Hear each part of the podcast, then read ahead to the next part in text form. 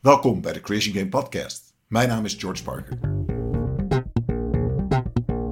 De Creation Game maakt je bewust van het feit dat alles, behalve de natuur, het resultaat is van menselijke creatieve processen. Het geeft je inspiratie en hulpmiddelen om werkelijkheid op te roepen en om te buigen. In de podcast praten we over allerlei ontstaansgeschiedenissen en wat er gebeurt tussen voelen, verbeelden en verwezenlijken. It's one small step for man, one giant leap. Dank voor het luisteren. Dit is de eerste uit een serie podcasts over het creatief proces. Ik zal je vertellen wat de Creative Game is en hoe het je stimuleert om je leven, relaties, je werk, de dingen die je maakt, allemaal als creatieve processen te benaderen. Het is gebaseerd op mijn praktijkervaringen in de afgelopen ruim 50 jaar en daarom zal ik beginnen met de beschrijving van de ontstaansgeschiedenis. Daarin hoor je eigenlijk alles terug wat verwerkt is in de filosofie, die overigens logischerwijs, omdat het op de praktijk is gebaseerd, hele praktische, soms pijnlijk praktische, maar altijd bevredigende uitgangen heeft.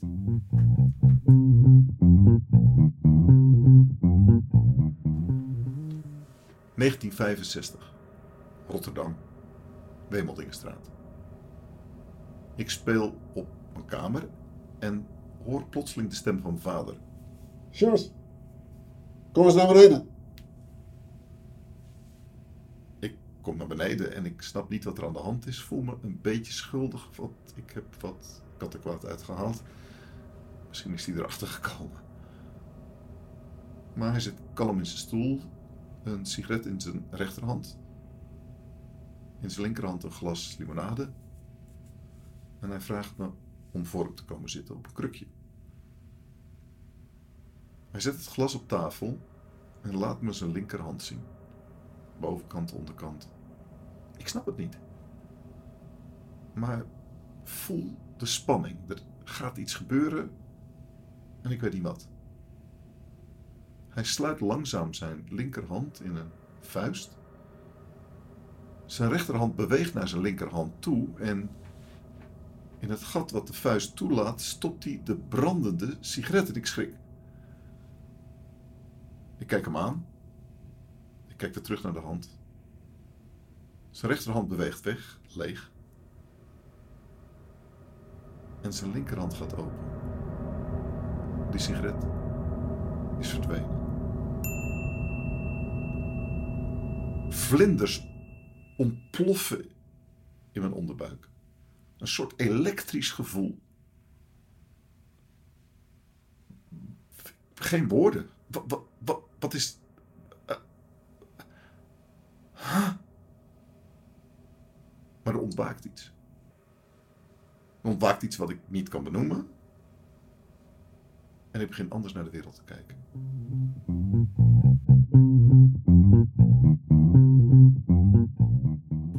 Ik denk dat ik op dat moment een besluit heb genomen. Niet een besluit in je hoofd. In je hoofd worden zelden echte besluiten genomen. De meeste echte besluiten die transformerend werken, vinden plaats in je lijf, in je onderbuik. Dat is het moment waarop je je kan overgeven zonder gehinderd te worden door gedachten. Soms moeilijk om bij te komen, maar altijd herkenbaar wanneer je je aan iets overgeeft, wanneer je aan iets committeert. Moeilijke woorden, maar eh, dat heeft te maken met geloof, vertrouwen.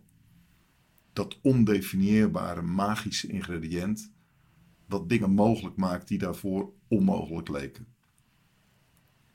Ik kon het uiteraard niet zo formuleren op dat moment. Ik voelde het alleen en dat gevoel was zo herkenbaar dat het de rest van mijn leven zou gaan leiden. Altijd op zoek naar dat elektrische gevoel, sensueel, soms zelfs bijna seksueel gevoel. Een zeer lijfelijke ervaring die altijd het teken zou zijn van geloof, vertrouwen. En altijd de inspiratiebron zou bereiken voor nieuwe beelden, nieuwe ideeën. Of andersom, als het zou ontbreken, de aankondiging zou zijn dat iets afgelopen was. Een vak, een baan, een fase in mijn relatie, een uh, persoonlijkheidsfase, uh, gedrag. Moment dat die energie zou verdwijnen, zou ik later leren herkennen en soms ook compleet missen dat het tijd was om te veranderen.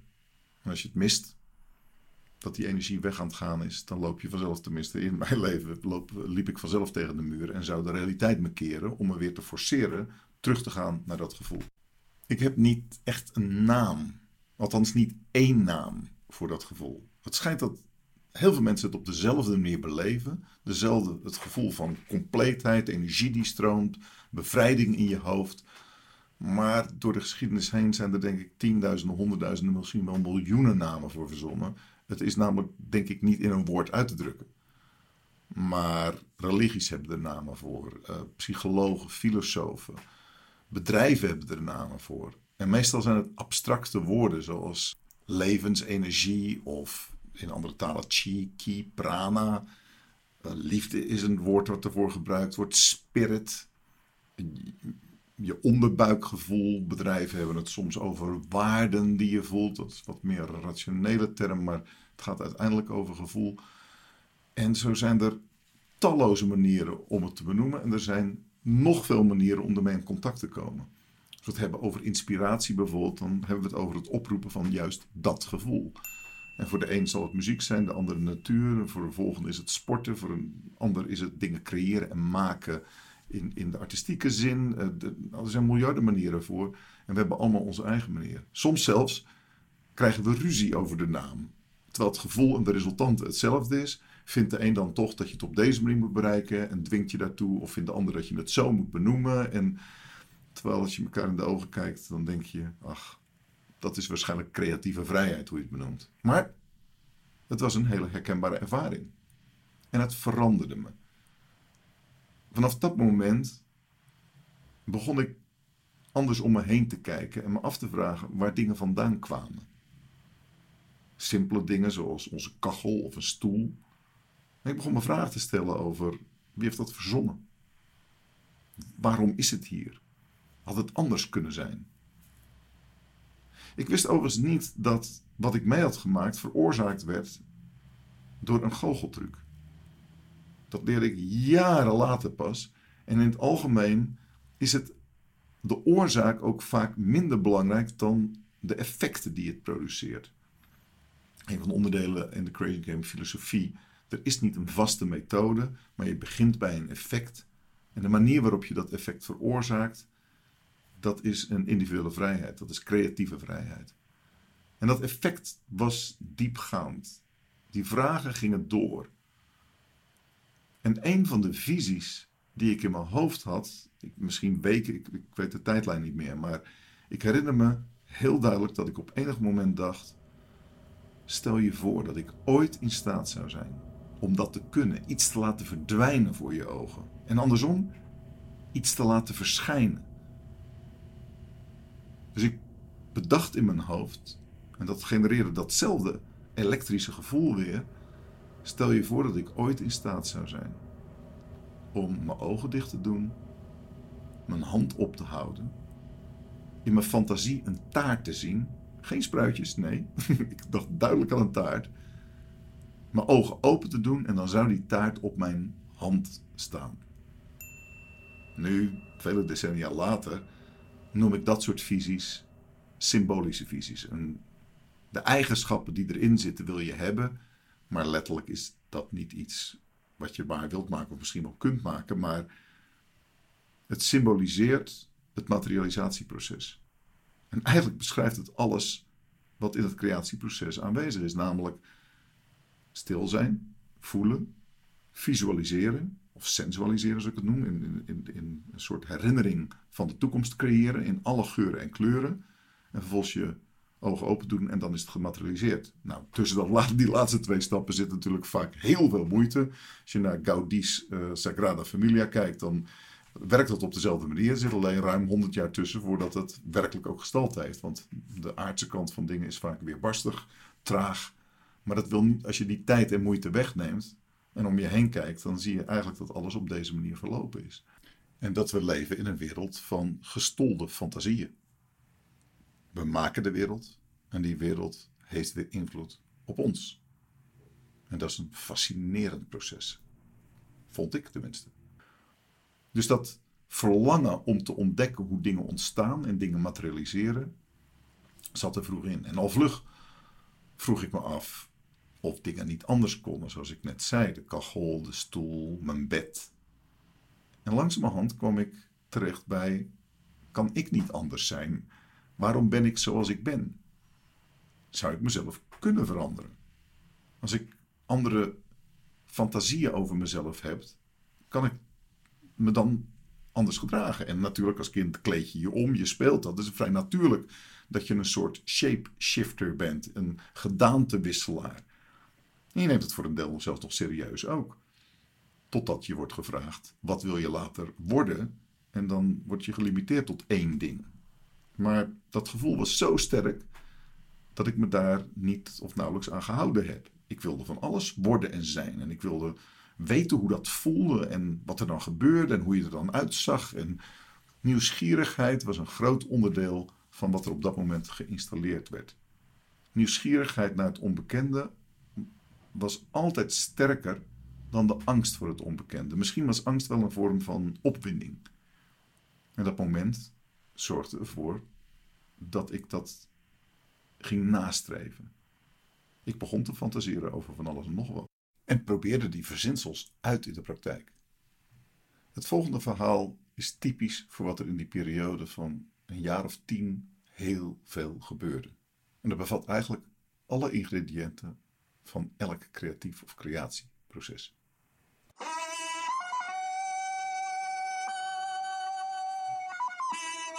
Mensen van mijn leeftijd of mensen die filmgek zijn, zullen deze schreeuw herkennen. Het is Johnny Weissmuller in zijn rol als Tarzan. Johnny Weissmuller was een voormalig Olympisch zwemkampioen en werd uitgenodigd voor de rol van Tarzan. En daar zijn de nodige films over gemaakt. En ik zag er een. En dat gaf me opnieuw dat elektrische gevoel.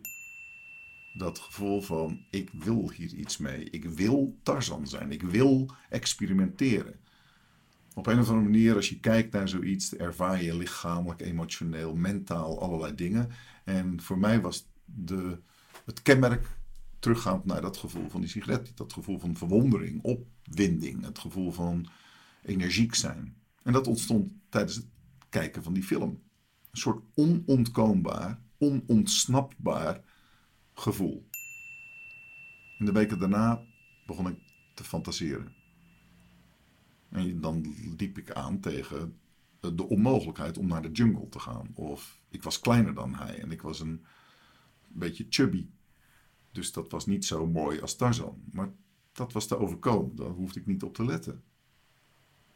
En ik kon niet stoppen met erover te fantaseren en manieren te vinden om toch Tarzan te zijn en niet naar de jungle te kunnen. Hoe zou ik dat waarmaken?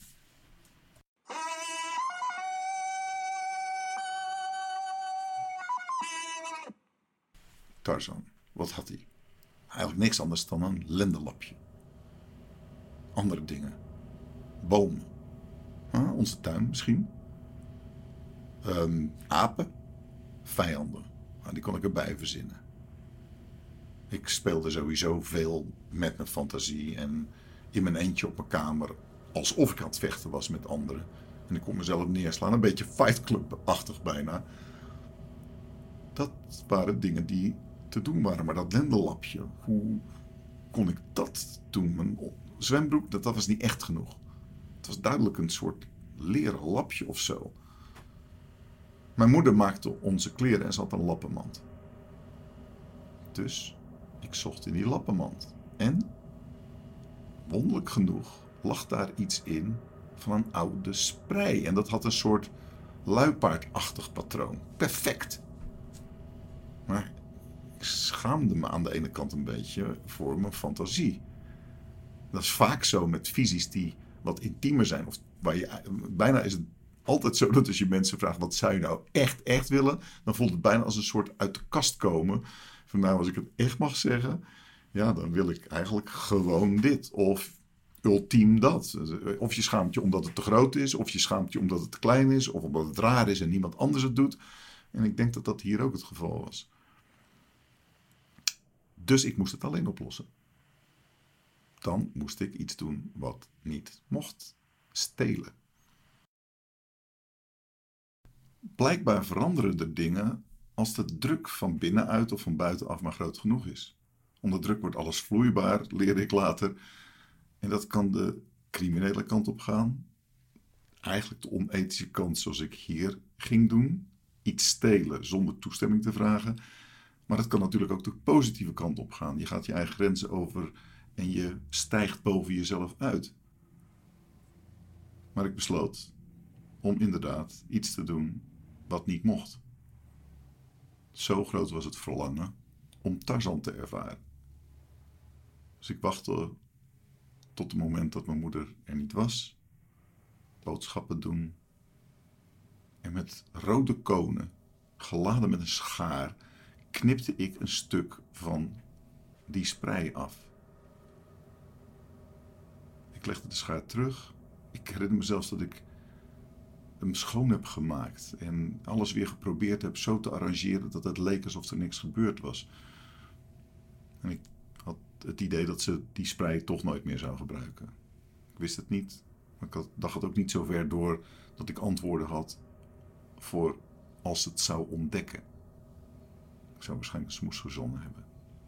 Ik verstopte het stukje sprei ergens achter in een la van mijn bureautje. En ik begon na te denken. De opwing, adrenaline denk ik, misschien endorfine, dopamine, serotonine, geen idee. Maar de opwinding was groot. En al snel dacht ik dat ik een niet-machine zou kunnen gebruiken om de boel in elkaar te nieten. Mijn vader had er een in zijn bureau.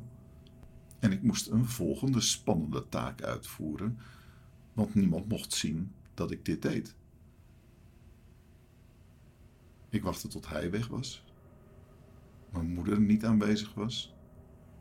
Maar dit was makkelijker. Ik kon gewoon de niet-machine uit zijn kamer halen en een rustig moment op mijn eigen kamertje zoeken. Ik paste het om mijn middel heen, niet het aan elkaar en merkte dat ik het niet meer uitkreeg zonder de nietjes los te maken. Niet handig. Opnieuw oplossingen zoeken. Een veter, een stukje touw, een stukje touw uit de garage. Ik kon het aan elkaar nieten, maar dan had ik een stukje touw nodig om het even strak te trekken. Dan kon ik de niet-machine tenminste terugleggen. Dat alles ging met een hoge ademhaling, rode konen, ongelooflijk spannend. Nu de volgende stap. De volgende stap was een moment uitzoeken waarop ik naar buiten kon. Overdag geen optie. S'avonds link, want mijn ouders zouden het kunnen ontdekken. De enige mogelijkheid was wachten tot ze naar bed waren. En dan nog een beetje wachten. En dat deed ik. Ging naar bed, kon natuurlijk niet de slaap vatten, deed al dat lendenlapje aan, mijn pyjamabroek uit. Ik durfde nog niet mijn pyjama jasje uit te trekken, want wie weet kwamen mijn ouders nog even kijken. Dat zou raar zijn. Ik sliep nog niet naakt toen. Op enig moment hoorde ik ze naar bed gaan. Mijn zusje lag al lang op bed, ging voor mij naar bed. Maar toen ze naar bed gingen, durfde ik het nog niet. Opnieuw die hoge ademhaling. Een lijf waardoor bloed stroomde, rode oortjes. Tot ik dacht, nu is alles stil. Ik trok mijn pyjamajasje uit en draaide heel langzaam de sleutel van de tuindeur open. Die grensde aan mijn kamer. Heel zachtjes ademend opende ik de deur, hoopte dat hij niet zou piepen en voelde de koude avondlucht. Ik liep over het gras naar de bosjes achter in de tuin. Het was opwindend om het gras echt onder mijn voeten te voelen. De avondlucht op mijn huid te voelen. Toen ik in de bosjes aankwam, zorgde ik dat takken over mijn huid krasten. Ik voelde me steeds meer Tarzan worden. Natuurlijk waren er geen apen en moest ik me die bij voorstellen. Natuurlijk waren er geen boeven, maar dat was ook geen probleem. Ik speelde de fantasie uit. Op enig moment werd ik gevangen. Ik ging tegen een boompje staan achterin. Een dun boompje, maar ach, ik deed alsof ik vastgebonden was. Mijn handen om, de om het boompje heen en alsof ik in elkaar geslagen werd. Maar ik wist dat ik zou winnen uiteindelijk En dat de apen me zouden helpen. Ik bevrijdde me, had schijngevechten met de boeven. De apen waren mijn vrienden. Ik zorgde dat ik over de grond rolde en mezelf hier en daar bezeerde. De lijfelijke ervaring was geweldig belangrijk. Misschien heeft dat alles bij elkaar vijf, zes, zeven minuten geduurd. Misschien iets langer, maar het duurde in mijn hoofd een hele film. Toen ik tevreden was, de opwinding langzamerhand wegzakte, ging ik naar binnen. Ik voelde ineens dat het wel erg kil was. Ik probeerde me af te kloppen, voeten een beetje schoon te maken op, het, op de mat en kroop weer mijn bed in nadat ik het lendendoekje weer had verstopt. En deed mijn onderbroek, pyjamabroek en pyjamajasje weer aan. Ik zou wel even wakker hebben gelegen, maar sliep daarna een diepe slaap. Toen ik de volgende ochtend wakker werd, had ik het gevoel alsof ik gedroomd had. En tegelijk wist ik dat het echt was geweest. Ik had van verbeelding realiteit gemaakt. En nou was die realiteit weer verbeelding geworden. Verbeelding is een vorm van realiteit. Ons brein kan maar slecht onderscheid maken tussen feiten en ficties. Op het moment dat je in je hoofd denkt dat je je sleutels kwijt bent, of in de jeugd van mij in speelgoed, reageert je brein alsof het ook echt kwijt is. En je ziet rampscenario's voor je, of je raakt in paniek. De verbeelding creëert een biologische realiteit. En uiteindelijk een materiële realiteit. Maar die materiële en biologische realiteit hebben weer invloed op je verbeelding. Want als je denkt dat die sleutels kwijt zijn en er komt adrenaline in je systeem of cortisol, dan ga je in een soort neerwaartse spiraal alleen maar meer rampscenario's verzinnen. Toen ik later als magier diep de geschiedenis en de symboliek van de magie bestudeerde, ontdekte ik dat op de tarotkaart de magier met zijn vinger omhoog wijst en met zijn andere vinger naar beneden wijst. De ene arm strekt omhoog, de andere wijst naar beneden. En boven zijn hoofd staat de lemniscaat. En eigenlijk is dat dit proces. Je gevoel geeft je hoogste visie in. Dat is de vinger naar boven. De andere wijst naar beneden. Dat maakt je materieel waar, zoals in dit geval van Tarzan. En je lijf zit daartussen. Je bent als het ware de magier in je leven. Als je anders gaat denken, ga je anders kijken en neem je andere beslissingen, materialiseer je een ander leven. Of je kunt beginnen bij de materialisatie en je huiskamer anders inrichten, waardoor je anders gaat nadenken. Die lemniscaat is dat eindeloze uitwisselingsproces tussen aan de ene kant onze buitenwereld, de ervaring in de nacht en het materieel werkelijk maken van die fantasie. En aan de andere kant onze binnenwereld, ons gevoel, onze verbeelding. En ons lijf is als het ware daar het medium tussen. We nemen informatie op via ons lijf, voedsel, indrukken, geluiden, temperatuur, noem maar op, van de buitenkant. En vervolgens drukken we ons gevoel en gedachten uit via ons lijf naar de wereld toe. En dat is eigenlijk dat kernsymbool. Uiteraard geen idee hoe dat werkte of wat die symboliek was op dat moment. Maar dit verhaal bevat al die elementen. En dit proces zou zich keer op keer op keer herhalen. In de knoop van die lemniscaat, van dat oneindigheidsteken in de wiskunde of de lemniscaat uh, van de magier, dat knooppunt, dat ben jij, dat is je lijf. En daarin voel je die energie ontstaan. Op het moment dat je visies niet meer kloppen met wat je doet, of aan de buitenkant, of wat je aan de buitenkant doet niet meer klopt met wat je eigenlijk wel wilt, dan merk je dat de energie gaat stagneren. En dat is eigenlijk altijd een teken dat het tijd is om te veranderen. Het kan zijn dat je je manier van denken moet veranderen, de manier van communiceren moet veranderen, je gedrag moet veranderen, of aan de buitenkant dingen, omstandigheden moet veranderen. Maar het is tijd voor verandering en energie leidt je daarin. Zoek daar de energie in. En dat is wat ik tien jaar lang deed. Altijd op zoek naar dat opwindende gevoel, dat elektrische gevoel. En op mijn zestiende vond de sequel plaats van wat op mijn vijfde gebeurde. And this time it got serious. We randomly shoot a small object, say a marble, at the screen. We see a pattern on the back wall where they went through the slit and hit. Now, if we add a second slit, we would expect to see a second band duplicated to the right. Je luistert naar een fragment van Dr. Quantum, een klein geanimeerd filmpje over het two-slit experiment, het twee-spleten experiment, wat een oorsprong heeft in een experiment met licht. Als je het twee-spleten of two-slit experiment intikt op YouTube, dan krijg je ook het oorspronkelijke onderzoek te zien. En daarin wordt licht door één spleet geprojecteerd in een donkere kartonnen doos. In het filmpje wat je onder andere daar kunt vinden. En dan verschijnt er op de achterwand van die doos, als je door een kijkertje in die doos kijkt, één spleet op de achterwand. Snij je echter twee spleten in die doos en het licht valt daarop, dan verwacht je twee spleten op de achterkant gezien, te zien geprojecteerd worden, maar dat is niet zo. Je ziet wat ze noemen een zogenaamd interferentiepatroon. Dat betekent dat je een soort traliewerk ziet wat uitdooft naar de buitenkant. Je ziet meerdere spleten op de achterkant geprojecteerd. Uh, alsof het tralies zijn die telkens meer verzwakken. Dat noemen ze een interferentiepatroon omdat het licht zich als golven gedraagt. En die twee spleten als het ware, en dat zit in dat filmpje ook, zich gedragen als golven in een vijvertje. Je ziet in die film onder andere dat die met twee drijvers uh, twee golfpatronen doet. Eentje in zijn linkerhand, eentje in zijn rechterhand. Stel je voor dat hij dat op en neer beweegt in het water, dan krijg je twee cirkelvormige uh, patronen, golven. En die cirkelvormige patronen met golven, die hebben koppen en dalen. De daal en een kop, als ze elkaar ontmoeten, doven elkaar uit. Twee koppen versterken elkaar, twee dalen versterken elkaar. Dus je krijgt zo, doordat er meerdere golfjes komen vanuit die twee cirkels, in zijn linkerhand een, een dobber geloof ik is het, en in zijn rechterhand een dobber, hij beweegt ze op en neer, de golven ontstaan en uiteindelijk krijg je veel meer golven en dat noem je een interferentiepatroon. Dat experiment met licht toonde aan dat licht geen deeltjes waren, maar golven. En dat experiment hebben ze met elektronen herhaald.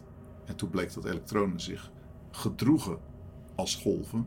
Want als je die per stuk op twee spleten afstuurde, dan kwamen er niet twee spleten op de achterwand, maar een interferentiepatroon. En dat was onverklaarbaar. Het verrassende was dat toen ze er meetapparatuur bij zetten om te kijken wat gebeurt er dan bij die twee spleten. Split zo'n elektron zich? Want dat is toch een soort van knikker.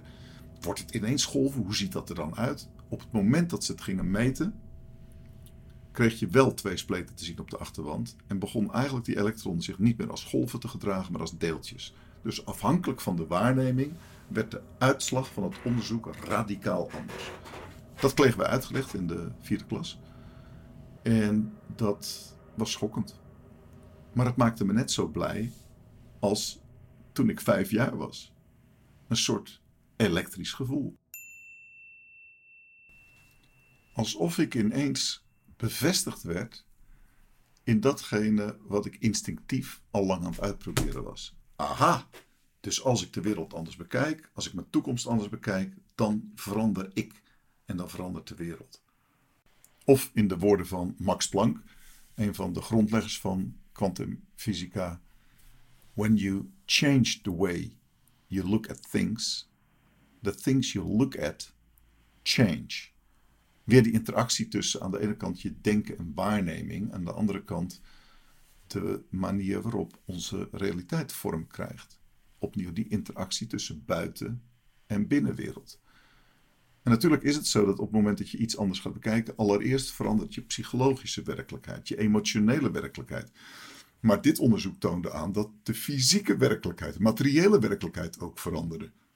Nu is er heel veel discussie over de kwantummechanische benadering. Er zijn heel veel denkscholen, er zijn zelfs ook tegendenkscholen die zeggen dit kan helemaal niet op deze manier. En zo hoort het ook te zijn in de wetenschap. Maar net zoals toen ik vijf was, maakte de oorzaak niet uit. Dat was toen een goocheltruc en zelfs als dit alleen maar een metafoor was geweest, dan kon ik niet ontkennen dat die me op dezelfde manier raakte. Ik begon mijn speelse obsessie nu erg serieus te nemen. Wat als ik mijn leven als laboratorium kon gebruiken?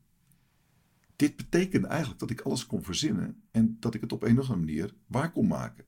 Ik dacht terug aan de taart, het beeld dat ik had in mijn hoofd van een taart. Ik deed mijn ogen open en ik zou die taart gematerialiseerd hebben. Eigenlijk toonde dit experiment aan dat zoiets mogelijk moest zijn. Het diepe geloof in de magie begon toe te nemen. Gelukkig maar, want die naïviteit hielp heel erg om direct te geloven in dingen en erin te duiken zonder enig, enige belemmering van te veel kennis of risico's die ik zou lopen of zelfs angst voor pijn. Opnieuw het verlangen en de nieuwsgierigheid naar het nieuwe oversteeg met gemak de angst. En misschien, zoals eerder gezegd, was angst een vorm van opwinding voor me. Spannend om iets te doen. Dat propelleerde me eerder vooruit dan dat het me tegenhield. Ik had er volgend jaar een gesprek met meneer Sinke, onze decaan en gymleraar. En die vroeg me wat ik wilde gaan doen. En de verwachting was als beta-klant dat ik wiskunde, natuurkunde, scheikunde of zoiets of biologie ging studeren. En ik zei hem: nee, ik ga mijn leven als laboratorium gebruiken. Ik denk dat ik als ik voortdurend fascinerende keuzes maak, dat ik ook een fascinerend leven krijg. En dat is precies wat ik wil. Dat type naïviteit zou je beginner's mind kunnen noemen. Dat maakt de weg vrij om in contact te komen met de, je persoonlijke energie. En vervolgens te beginnen te fantaseren over hoe je wilt dat de werkelijkheid verloopt.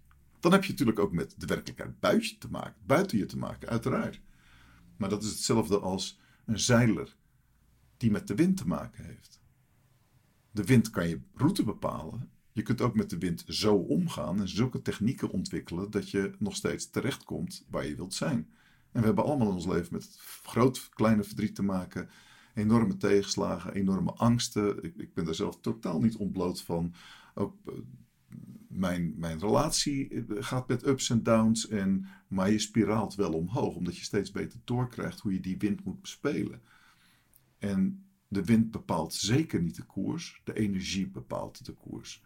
En daarin wilde ik zonder dat op die manier te kunnen benoemen, op dat moment een soort shapeshifter zijn. Als die vorm verandert, dan kan ik trouw blijven aan de energie. Het zou kunnen zijn dat als ik de vorm hetzelfde houd, de energie wegcijpelt. En dat maakte ik ook later verschillende keren mee. Dus ik begon ontwikkelingspsychologie te studeren, compleet andere richting dan de beta-richting. Ik wilde alles weten van hoe de menselijke geest ontwikkelt. Zijn we een onbeschreven blad of niet? En ik studeerde pedagogiek aan de Universiteit van Utrecht. Dat was nog meer dan vroeger een geweldige speeltuin. Utrecht is een heerlijke stad. Net groot genoeg om een stad te zijn. Net niet zo groot dat je erin verdwaalt. Dus ons kent ons. En tijdens de studie deed ik geweldig veel experimenten. Ik deed veel aan theater. Onder andere scripttheater, maar ook improvisatietheater in de traditie van het werktheater. Uh, later zijn we uitgezonden naar Calgary, uh, onder andere, met onze theatergroep, uh, waar ik onder Keith Johnston, de grondlegger van improtheater, compleet andere school van improtheater, waar theatersport uit ontstaan is. ik sportte heel veel, fanatiek judo, roeien, zes dagen per week trainen. Uh, ik heb een periode gehad waarin ik een half jaar veel dronk tot ik er genoeg van heb. Of wiet heb gerookt. Ik heb met jongens gevreemd, maar met veel vrouwen. En allerlei experimenten om uit te proberen of ik van verbeelding realiteit kon maken.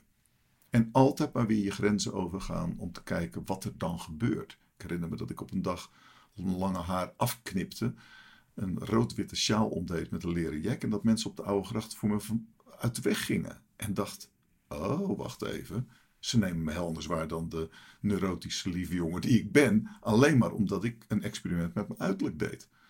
Steeds meer het onderzoek, wat als ik me op deze manier uitdruk? Wat gebeurt er dan met de wereld? Hoe reageren ze op me? Hoe werkt dat magische proces van het buigen van de werkelijkheid? Innerlijk, maar ook aan de buitenkant. Ik werd in die tijd ook verliefd op een vrouw, die was getrouwd, Marja, Marja Linksma. Uh, en kon daar natuurlijk vond ik niet me mee bemoeien, want dat zou tot fouten leiden. Maar ik had wel het gevoel, ja, dit is ze. Dus ik heb lang moeten wachten uh, voor zij zelf het besluit nam uh, dat het klaar was met haar huwelijk. En dat was het moment dat we een relatie konden beginnen. Het is de liefde van mijn leven. Ook daarin experimenteren met wat willen we meemaken? Hoe willen we onze relatie hebben? Op welke manier regelen we dat tussen ons? Hoe groeien we? En toen we kinderen kregen, kwamen er weer nieuwe vragen. Altijd dat continue heruitvindingsproces. Nadat ik klaar was met mijn studie, of eigenlijk al voor, daarvoor, begon ik in de gezondheidszorg te werken. Doordat ik gevisualiseerd had waar ik wilde werken met mensen met een verstandelijke beperking. En ben in Haarlem gaan werken. eh, bij DVO de Brink. Geweldige tijd geweest, ongelooflijk gave collega's gehad. Maar ik had in die tijd ook een praktijk aan rebirthing, ademhalingstherapieën. Ik was polariteitsmassage gaan studeren en rebirthing, een ademhalingstechniek, en was in de meer spirituele wereld. Toen de tijd heette dat de New Age wereld terecht te komen. Opnieuw onderzoek en snuffelen. Dus ik heb een praktijk aan huis gehad met massage en ademhalingstherapie. Die nam ik mee naar Haarlem. Naar, eh, de- daar woonde ik op kamers een tijdje. Eh, mijn vrouw bleef in Utrecht wonen. En leerde heel veel van hoe energie werkt bij mensen. Natuurlijk, de materiële kant is de nuchtere, aardse kant.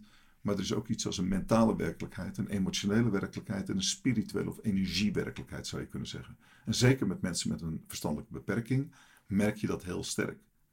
Daar is de verbale communicatie lang niet zo belangrijk als de emotioneel, fysiek en eh, energetische communicatie. Ik herinner me dat ik eh, bij een deelnemer, eh, eh, ik zal zijn naam niet noemen, want ik heb geen contact meer, maar dat is, dat is privé dat ik hem aanraakte terwijl die met zijn rug naar me toe komt en hij schrok. De volgende keer dacht ik, maar als ik contact met hem maak eerst, voordat ik hem aanraak, dus eigenlijk mentaal om toestemming vraag, verandert dat de zaak. En op een of andere manier veranderde dat.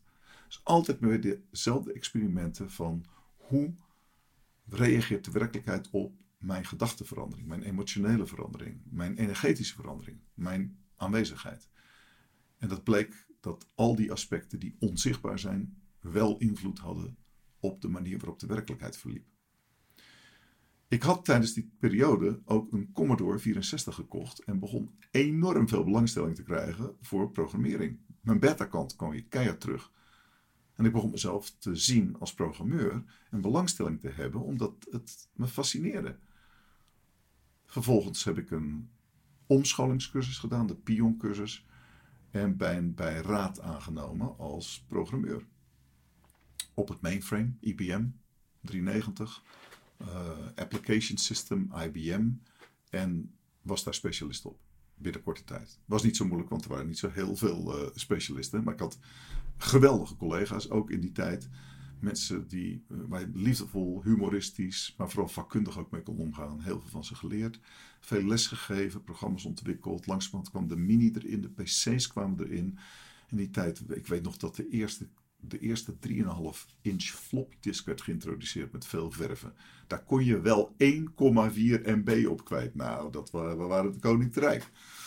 Tot je natuurlijk een aantal jaren later je er 14 nodig had om een programma te installeren. En ook dat door een soort hernieuwingscyclus moest gaan, keer op keer op keer.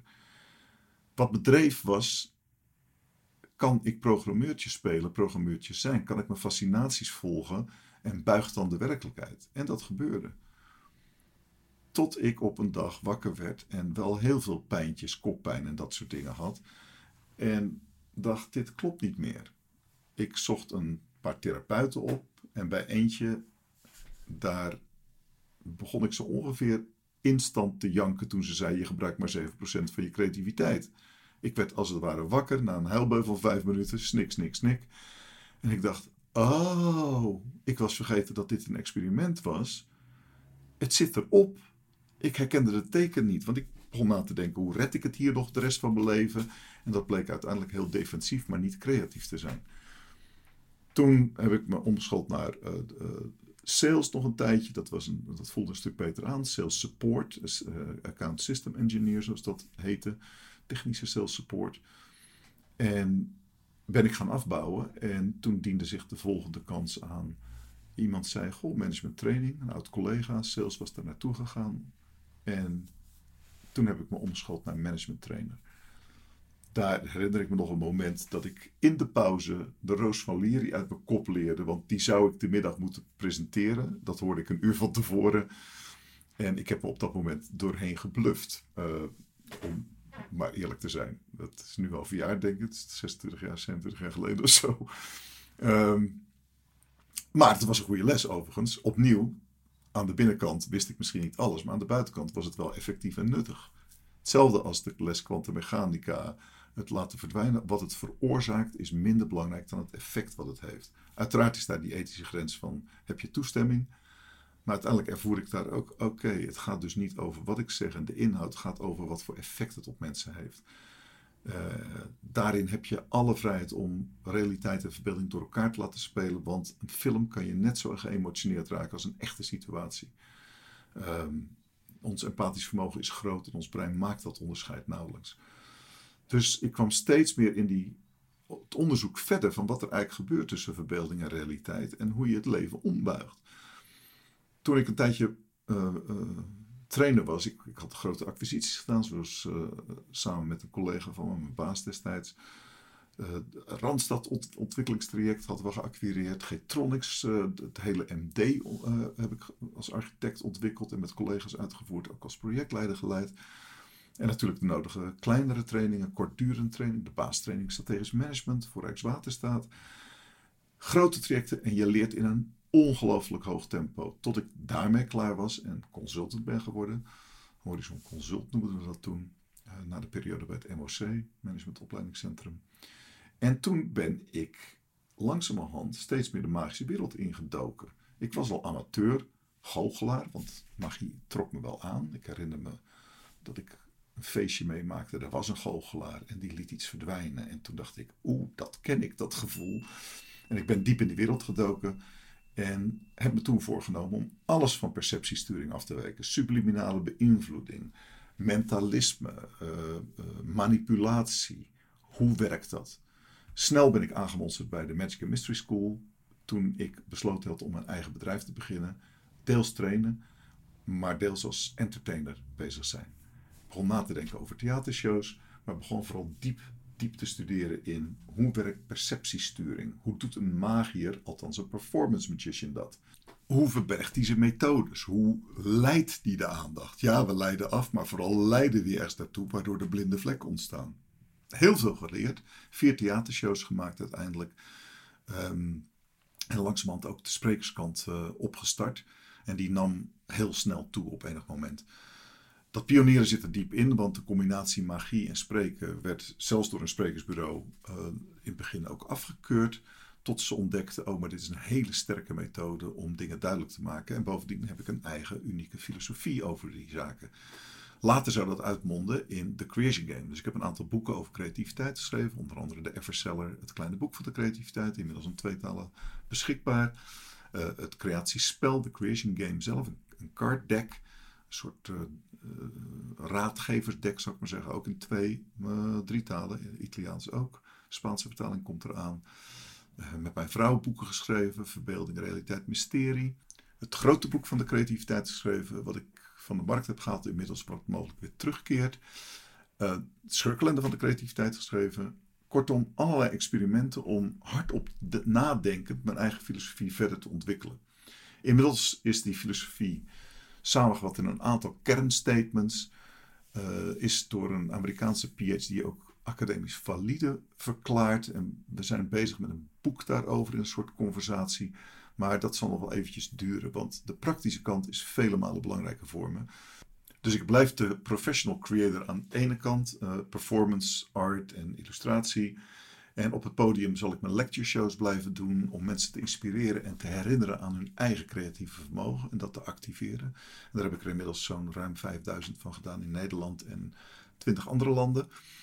Uh, daarnaast, waar ik op het podium eigenlijk toegepaste psychologie en fantasie gebruik om de werkelijkheid op het podium te buigen, daar help ik mensen met de Creation Game, met trainingen, workshops en begeleiding, om psychologie en fantasie zelf toe te passen zodat ze de resultaten creëren die ze graag willen en op een creatieve manier kunnen samenwerken met elkaar. Daar heb ik heel veel ervaring uiteraard mee en bied heel veel zaken aan, maar zal nooit voorschrijven hoe het moet. Immers, er is geen standaard voor dat creatieve proces. Dus de Creation Game Ideal Cyclus is er ontworpen op basis van al die praktijkervaringen. En daar ontdekte ik, er is geen recept voor succes, maar er zijn wel vijf ingrediënten die altijd weer terugkeren. En die Ideal Cycle wordt gebruikt als coachingsmiddel, wordt gebruikt als, uh, voor zelforganiserende teams bijvoorbeeld. Zodat ze een soort soortgelijke taal hebben om over te praten. Op basis van hoe creatieve processen altijd gaan. En of het nou gaat over het het vernieuwen van producten, het, het herzien van processen, samenwerkingen, communicaties of, of kunst. Het gaat eigenlijk altijd langs deze vijf zaken. Intentie staat in het midden, dat is het gevoel. Dat zetten we om in praktisch meetbare en merkbare effecten. En vervolgens de andere vier, de deal als het ware, cirkelt daaromheen. Design, verbeeldingskracht gebruiken, design thinking. Uh, hoe ontwerp je jezelf, je eigen manieren van omgang, producten, omgevingen. Essentie, kiezen, realiteitszin. Kijk waar je staat ten opzichte van je design. En maak er een selectie van wat essentieel is. Actie, survival is een belangrijk instrument. Oftewel fake it till you make it. Maar wat voor kleine acties kun je ondernemen, zodat je L leert naar de resultaten toe. Ik ga de komende tijd veel interviews opnemen met vrienden, collega's, klanten, uh, mensen met wie ik altijd eindeloos veel nieuwsgierig gesprek heb. Hoe werkt dat dan bij jou? Wat ik al vele gesprekken gevoerd heb, die allemaal bijgedragen hebben. Waarvoor dank aan de vorming van die filosofie. Duizenden, tienduizenden uh, creatieve processen gedaan en gevolgd en gepraat met mensen. En daar komt de Creating Game uit voort. Dus er zitten vele zielen in. Uh, maar die gesprekken ga ik nu uh, opnemen en naar buiten.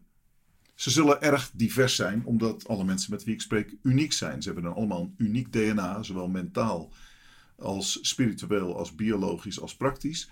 Dus er zullen unieke gesprekken zich ontwikkelen.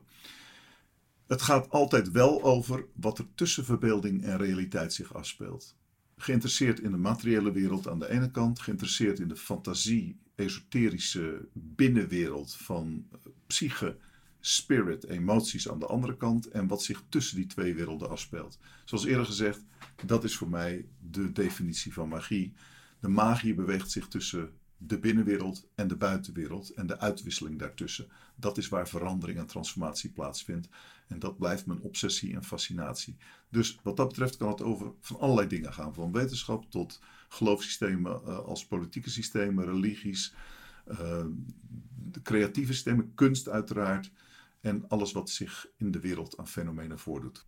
Ik hoop dat ze je zullen inspireren, stimuleren en misschien hier en daar provoceren. Ik vraag me in ieder geval heel erg op. Bedankt dat je erbij was. Heb je zelf een vraag over het creatief proces in het algemeen? Of specifieke vragen over hoe je de werkelijkheid kunt buigen in je leven, relaties of werk? Laat die vraag dan achter met een beetje toelichting en eventueel je naam op 06 23 63 83 81. Wil je meer weten over inspiratieshows, training en begeleiding op gebieden als communicatie, beïnvloeding, coaching en samenwerking? Ga dan naar thecreationgame.com.